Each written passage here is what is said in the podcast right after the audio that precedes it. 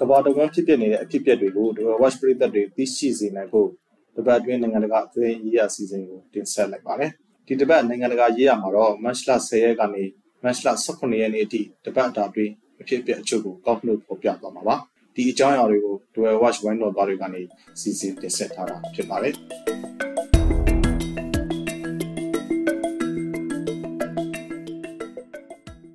ငလျင်တန်ခံခဲ့ရတဲ့တူရကီမှာရေဘေးထက်သင့်နေပါတယ်။ လွန်ခဲ့တဲ့လကငလျင်တန်ခံခဲ့ရတဲ့တူရကီနိုင်ငံအရှေ့တောင်ပိုင်းရှိမြို့နှမြို့မှာရေကြီးခဲ့လို့လူ၁၂ဦးသေဆုံးပြီးအများပြားပျောက်ဆုံးနေတယ်လို့တာဝန်ရှိသူတွေကပြောကြားခဲ့ပါတယ်။သေဆုံးသူနဲ့ပျောက်ဆုံးသူတွေထက်မှာငလျင်လှုပ်ခတ်ပြီးကြတဲ့ကွန်တစ်တာအိမ်တွေထဲမှာနေထိုင်ကြရသူတွေလည်းပါပါတယ်။ဆန်လူဖာမြို့လမ်းတွေမှာရေကြီးရေရှမ်းတာတွေကြောင့်ကားတွေမျောပါတိတ်မှောက်ပြီးလူ၁၂ဦးသေဆုံးခဲ့တာပါ။ အာဒီမိုင်ယာမြို့မှာတော့ကိုသိတ်တာအိတ်ထက်မှာနေထိုင်ကြတဲ့မိသားစုစုတက်က2ဦးသေဆုံးသွားခဲ့ပါတယ်။ရေကြီးရေချမ်းမှုတွေကြောင့်မော်တော်ယာဉ်တွေထက်မှာလူတွေလည်းပိတ်မိခဲ့ကြပါတယ်။သူတို့ကိုကူညီဖို့ကြိုးစားသူတွေချို့ပါရေစီးနဲ့မျောပါသွားခဲ့တယ်လို့တာဝန်ရှိသူတွေကပြောခဲ့ပါတယ်။ရုရှားတိုက်လေယာဉ်ရဲ့မစင်မချင်မောင်းနှင်မှုကြောင့်အမေရိကန်ဒရုန်းလေယာဉ်ပြတ်ကျခဲ့ပါတယ်။ရုရှားတိုက်လေယာဉ်ဟာအပေါ်ကနေလောင်စာဆီတွေကိုမစင်မချင်ဆုတ်ထုတ်ခဲ့လို့ ဒီလိုပြတ်ကျခဲ့တယ်လို့အမေရိကန်ရဲ့ထုတ်ပြန်ချက်မှာဖော်ပြထားပါတယ်။အဲ့ဒီလမ်းကြောင်းဟာနိုင်ငံတကာလေပိုင်နက်ထက်မှာရှိနေတယ်လို့အမေရိကန်ကပြောပါတယ်။ဒါဟာရုရှားလေယာဉ်မှုရဲ့မစင်မချင်မောင်းနှင်မှုကြောင့်လို့အမေရိကန်ကနေဆွဆွဲခဲ့တာပါ။အမေရိကန်ဒရုန်းလေယာဉ်ဟာပြန်သန်းလို့မရတော့တဲ့အပြင်ထိချုလို့လည်းမရတော့တာကြောင့်ပင်လယ်နက်ထဲကိုဆင်းသက်အောင်လှုပ်ဆောင်ခဲ့ရကြောင်းပင်တဂွန်စစ်ဌာနချုပ်ပြောရေးဆိုခွင့်ရှိသူကဆိုခဲ့ပါတယ်။ရုရှားဘက်ကတော့အမေရိကန်ဒရုန်းလေယာဉ်ဟာရုရှားတိုက်လေယာဉ်နဲ့တိုက်မိခဲ့တာမရှိဘဲ သူ့ဘာသာသူပြတ်ကျခဲ့တယ်လို့ထုတ်ဖော်ပြောဆိုထားပါတယ်။တောင်ကိုရီးယားနဲ့ဂျပန်ထိပ်သီးခေါင်းဆောင်နှစ်ဦးရဲ့ဆွေးနွေးပွဲအပြီးနှစ်နိုင်ငံဆက်ဆံရေးကဏ္ဍတစ်တရက်ထူထောင်နိုင်ခဲ့တယ်လို့မတ်လ16ရက်နေ့ကကြေညာခဲ့ပါတယ်။နှစ်နိုင်ငံခေါင်းဆောင်တွေကနေအပြန်အလှန်ပုံမှန်လက်ပတ်ခီးစဉ်တွေရှိလာမယ်။ကာလကြီးရှာတင်းမာနေတဲ့ဝန်သွေးရေးနဲ့အခြားမပြေမလည်ဖြစ်နေတာတွေကိုဖြေလျှော့ဖို့သဘောတူညီခဲ့ကြတယ်လို့ဆိုပါတယ်။တောင်ကိုရီးယားသမ္မတယွန်စီရင်နဲ့ ဂျပန်ဝန်ကြီးချုပ်ဖူမီယိုရှီဒီတာတို့ရဲ့တိုကျိုမှာကျင်းပခဲ့တဲ့ထိပ်သီးစည်းဝေးမှာအခုလိုပြန်လည်ပူးပေါင်းဆောင်ရွက်ကြမယ့်အကြောင်းကြေညာခဲ့တာပါ။သမ္မတယွန်ဆော့ယိုရဲ့ဂျပန်ခီးစဉ်ဟာ12နှစ်အတွင်းတောင်ကိုရီးယားသမ္မတတဦးရဲ့ပထမဆုံးသောခီးစဉ်ဖြစ်ပါတယ်။တောင်ကိုရီးယားကုန်သွယ်ရေးဝန်ကြီးဌာနရဲ့ဆိုအရဂျပန်ဟာတောင်ကိုရီးယားပေါ်ချမှတ်ထားတဲ့တပိုင်းလျှက်ကူပစ္စည်းတင်ပို့မှုကန့်သတ်ချက်တွေကိုရုပ်သိမ်းပေးဖို့သဘောတူခဲ့ပါတယ်။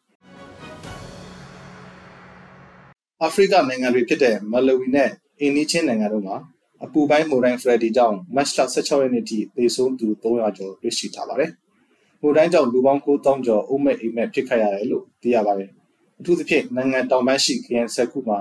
ပျက်စီးဆုံးရှုံးမှုတွေအများစုဖြစ်ခဲ့တာပါ။မိုတိုင်းတန်ကိုရင်ဆိုင်ဖို့အကူအညီတွေလိုအပ်နေဆဲဖြစ်တယ်လို့တာဝန်ရှိသူတွေကပြောပါတယ်။အပူပိုင်းမိုတိုင်းဟာလေပြင်းတိုက်တာမိုးသက်ထန်စွာရွာသွန်းတာတွေကြောင့်နေအိမ်အများပြားပျက်စီးခဲ့ပါတယ်။ လန္ဒရာတွေပျက်စီးမှုရော့ပါတာတွေတိနှံစိုက်ခင်းအများပြားပျက်စီးကလျှက်စစ်တပ်အားပြတ်တောက်မှုတွေဖြစ်ပေါ်ခဲ့ပါတယ်။ရေကြီးရေရှမ်းတာတွေဖြစ်ပြီးတဲ့နောက်အပျက်အစီးတွေမျောပါစုပုံနေတာကြောင့်ရေအားလျှက်စစ်တပ်အားပေးစက်ရုံတွေကနေတပ်အားပြတ်တောက်မှုတွေဖြစ်ခဲ့တာပါ။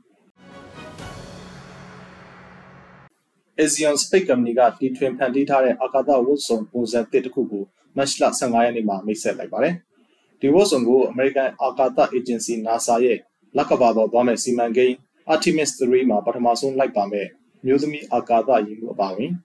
အာကာသယာဉ်မှုတွေဝတ်ဆင်သွားဖို့စီစဉ်ထားပါတယ်။လက်ရှိပုံစံမှာတော့မီးခိုးရင်းရောင်နဲ့ပြသထားပေမဲ့နောက်ဆုံးဒီဇိုင်းမှာတော့အပူဒဏ်ခံနိုင်ဖို့အတွက်အဖြူရောင်ဖြစ်ဖို့များနေတာပါ။ NASA ကနှစ်ပေါင်း90ကျော်တွင်ပထမဆုံးအကြိမ်လပေါ်ကိုပြန်ဆင်းသက်ဖို့အတွက်ဝတ်မဲ့အာကာသဝတ်စုံတွေအတွက်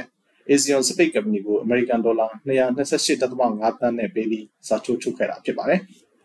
NASA ကတော့လာမယ့်2025ခုနှစ်အကုန်လောက်မှာလပေါ်ကိုအာကာသယာဉ်မှုတွေဆေလွှတ်နိုင်မယ်လို့ပြောကြားထားပါတယ်။ပါကစ္စတန်မှာအကြမ်းဖက်ရိုးရင်းဆန်ခတ်မှုတွေဖြစ်ပြီးတဲ့နောက်ဝန်ကြီးချုပ်အီမရီကန်ကိုဖမ်းဆီးဖို့ပြင်ဆင်နေတာကိုတရားရုံးကယာယီပိတ်ပင်လိုက်ပါတယ်။သူ့ရဲ့နေအိမ်ပြင်ဘက်မှာသူ့ကိုထောက်ခံသူတွေနဲ့ရဲတပ်ဖွဲ့ဝင်တွေအကြား24နာရီကျော်ကြာအပြင်းထန်ကြတိကြုံဖြစ်နေတာကိုရပ်တန့်နိုင်ဖို့ဒီလိုပိတ်ပင်လိုက်တာပါ။ အကျင့်ပြစ်ခြားစားမှုတွေနဲ့ရင်ဆိုင်နေရတဲ့ဝန်ကြီးချုပ်ဟောင်းအမေရိကန်ကိုတရားရုံးချင်းပြက်ကွက်တဲ့ဆိုတဲ့အမှုနဲ့ရဲရရှိတွေကဖမ်းဆီးဖို့ကြိုးပမ်းခဲ့ကြတာပါရဲတပ်ဖွဲ့ဝင်တွေနဲ့အရန်စစ်တပ်ဖွဲ့ဝင်တွေဟာရဲရီယိုဘုံတွေမိသားပက်တွေသုံးပြီးလူစုခွဲဖို့ကြိုးစားခဲ့ပါတယ်အမေရိကန်ကိုထောက်ခံသူတွေကလည်းလူချုံရင်းတပ်ဖွဲ့ဝင်တွေကိုလောက်လေးခွာရီအုပ်ခဲတွေနဲ့ပြန်လည်ပစ်ခတ်တိုက်ခိုက်ခဲ့ပါတယ်အမေရိကန်ဟာနာမည်ကျော်ခရစ်ကက်ကစားသမားဟောင်းကနေနိုင်ငံရေးသမားဖြစ်လာသူပါ။မိနစ်ဧပြီလကပါလီမန်မှာသူ့ကို ယုံကြည်မရှိအဆိုတင်သွင်းမဲခွဲဆုံးဖြတ်ခံရပြီးတဲ့နောက်ဝန်ကြီးချုပ်ရာထူးကနေဆင်းပေးခဲ့ရသူဖြစ်ပါတယ်။သူဟာစူပူအုံကြွမှုအကြမ်းဖက်မှုအကျစ်ပြတ်ခြစားမှုတွေအပါအဝင်အမှုပေါင်း85ခုနဲ့ရင်ဆိုင်နေရပါတယ်။ဘယ်လာရုစ်နိုင်ငံမှာအာဏာရှင်ဆိုရကတပတ်အတွင်းအတိုက်ခံတရားကျော်ကိုဖမ်းဆီးခဲ့တယ်လို့တက်ကြွလှုပ်ရှားသူတွေကပြောပါတယ်။အာဏာပိုင်တွေဟာအတိုက်ခံတက်ကြွလှုပ်ရှားသူတွေသတင်းတောက်တွေစစ်ဘက်ဆိုင်ရာဝန်ဆောင်တွေတနက်ပြအကစားကလပ်ကအဖွဲ့ဝင်တွေနဲ့ မောင်းသူမဲ့ drone တွေသုံးပြီးအလုပ်လုပ်သူတွေကိုပြစ်မှတ်ထားဖမ်းဆီးခဲ့တာလို့သိရပါတယ်။မြို့တော် Minsk အပါအဝင်နိုင်ငံရဲ့အရှေ့ဘက်နဲ့အနောက်ဘက်တွေမှာအစုလိုက်ပြိုလိုက်ဖမ်းဆီးခဲ့တာလို့ Belarus လူခွင့်ရေးလှုပ်ရှားမှုတစ်ခုဖွဲ့တစ်ခုဖြစ်တဲ့ BSMA ကမတ်လ14ရက်နေ့ကပြောကြားခဲ့တာပါ။ Belarus မြို့တော်နီးမှာဆက်ကပ်ထားတဲ့ရုရှားစစ်လေယာဉ်တစ်စီးကိုတိုက်ခတ်ရမှာပါဝင်ခဲ့တဲ့တန်တရားရှိသူတွေကိုစီးနင်းရှာဖွေခဲ့တာလို့ဆိုထားပါတယ်။ ထီနာဆက်ခံသူဖြစ်တဲ့စပိန်အရှိဆန်မင်းသမီးလီယိုနိုဟာအနာဂတ်ခေါင်းဆောင်ဖြစ်ကြိုတင်ပြင်ဆင်ဖို့အတွက်သုံးနှစ်ကြာစစ်တမ်းတောက်ရောက်သွားမယ်လို့ဆိုပါတယ်။လီယိုနိုဟာစပိန်ဘီယင်ဖိလစ်ပီရဲ့သမီးနှစ်ယောက်ထဲမှာအကြီးဆုံးဖြစ်တဲ့အတွက်အရင်ဆုံးထီနာဆက်ခံရမှာဖြစ်ပါတယ်။သူ့ဖခင်ယာတုကနေဆင်းခဲ့ရင်ဒါမှမဟုတ်ကွယ်လွန်နတ်ရွာဆန်တော့ခဲ့ရင်သူကစစ်တပ်ရဲ့စစ်ဦးစီးချုပ်ဖြစ်လာမှာပါ။စပိန်စစ်တပ်မှာတစ်နှစ်ရေတပ်မှာတစ်နှစ်လေတပ်မှာတစ်နှစ်စုစုပေါင်း၃နှစ်ကြာမြင့်မယ်လို့ဆိုထားပါတယ်။လီယိုနိုဟာ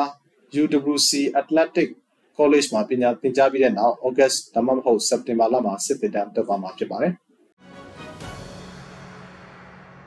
အိန္ဒိယရုပ်ရှင်လောကအတွက်သမိုင်းသစ်ရေးထိုးနိုင်ခဲ့တဲ့ Elephant Whisperer ဆိုတဲ့ရုပ်ရှင်ကားဟာ65ကြိမ်မြောက် Oscar ဆုပေးပွဲမှာ Oscar ဆုရရှိခဲ့ပါတယ်။ဒီဇာတ်ကားဟာမိခင်ရှိတော့တဲ့စင်သားပေါက်လေးကိုတိုင်းရင်းသားမျိုးနွယ်ဇနီးမောင်နှံကဝေးမြူထားပြီးသူတို့ကြားကတန်ရုံးစိန်ကိုရိုက်ကူးပို့ဖော်ထားတာဖြစ်ပါတယ်။ The Elephant Whisperer ဟာ အော်စကာဆုရတဲ့ပထမဆုံးအိန္ဒိယမှတ်တမ်းရုပ်ရှင်ကားဖြစ်လာခဲ့ပါတယ်။၎င်းပြင်အိန္ဒိယနိုင်ငံအတွက်အကောင်းဆုံးမူရင်းသချင်းဆုကိုလည်းနာတူနာတူဆိုတဲ့သချင်းနဲ့ပထမဆုံးအော်စကာဆုရရှိခဲ့ပါသေးတယ်။ဗြိတိန်နိုင်ငံဟာစစ်သုံးစိတ်တိုးမြင့်မယ်လို့ဝန်ကြီးချုပ်ကတည်ပြုလိုက်ပါတယ်။ရုရှားနဲ့တရုတ်နိုင်ငံတို့ရဲ့ချစ်ချောက်မှုတွေကိုတုံ့ပြန်တဲ့အနေနဲ့ဗြိတိန်ဝန်ကြီးချုပ်ရီရှီဆူနက်ဟာလာမယ့်နှစ်နှစ်တွင်စစ်တပ်ရမုံတွေကိုဒေါ်လာဘီလီယံ6ဘီလီယံတိတိုးမြင့်သွားမှာပါ။ လက်ရှိမှာတော့စုစုပေါင်းပြည်တွင်းထုတ်ကိုရဲ့ GDP ရဲ့2.2ရာခိုင်နှုန်းကိုကာကွယ်ရေးအတွက်သုံးစွဲနေတာပါ။ရေရှည်မှာ2.5ရာခိုင်နှုန်းတိတိုးမြင့်သွားဖို့ရှိတယ်လို့ထုတ်ပြန်ချက်မှာပါရှိထားပါတယ်။ရုရှားရဲ့ရန်ကုန်ကာကွယ်နေရတဲ့ယူကရိန်းစစ်တပ်ကိုထုတ်ပန့်ပေးနေလို့ကုန်သွားတဲ့လက်နက်ခဲယမ်းတွေကိုဒီလိုပိုသုံးမဲ့ငွေထဲကနေအချို့ပြန်လည်ဖြည့်တင်းသွားမှာဖြစ်ပါတယ်။အဲ့ဒီထက်ကအချို့ကို UK, American, Australia သုံးနိုင်ငံသဘောတူထားတဲ့နျူကလ িয়ার စွမ်းအင်သုံးရေငုပ်သင်္ဘောတွေတိစောက်ရမှာသုံးဖို့ရှိပါတယ်။ ပြည်သက်အပေါင်းတို့စီရောကိုပါကျမ်းမာချမ်းသာကြပါစေ။ကပ်ဘေးမျိုးမျိုးကနေအမြန်ဆုံးလွတ်မြောက်ပါစေကြောင်း Royal Watch ဝိုင်းတော်သားတွေကစုမုံကောင်းတက်အပ်ပါတယ်။နောက်တစ်ပတ်မှာလည်းနိုင်ငံတကာသတင်းရေးရာစီစဉ်ကိုဆက်လက်စောင့်မျှော်ကြည့်ရှုပါစေကြပါဦးခင်ဗျာ။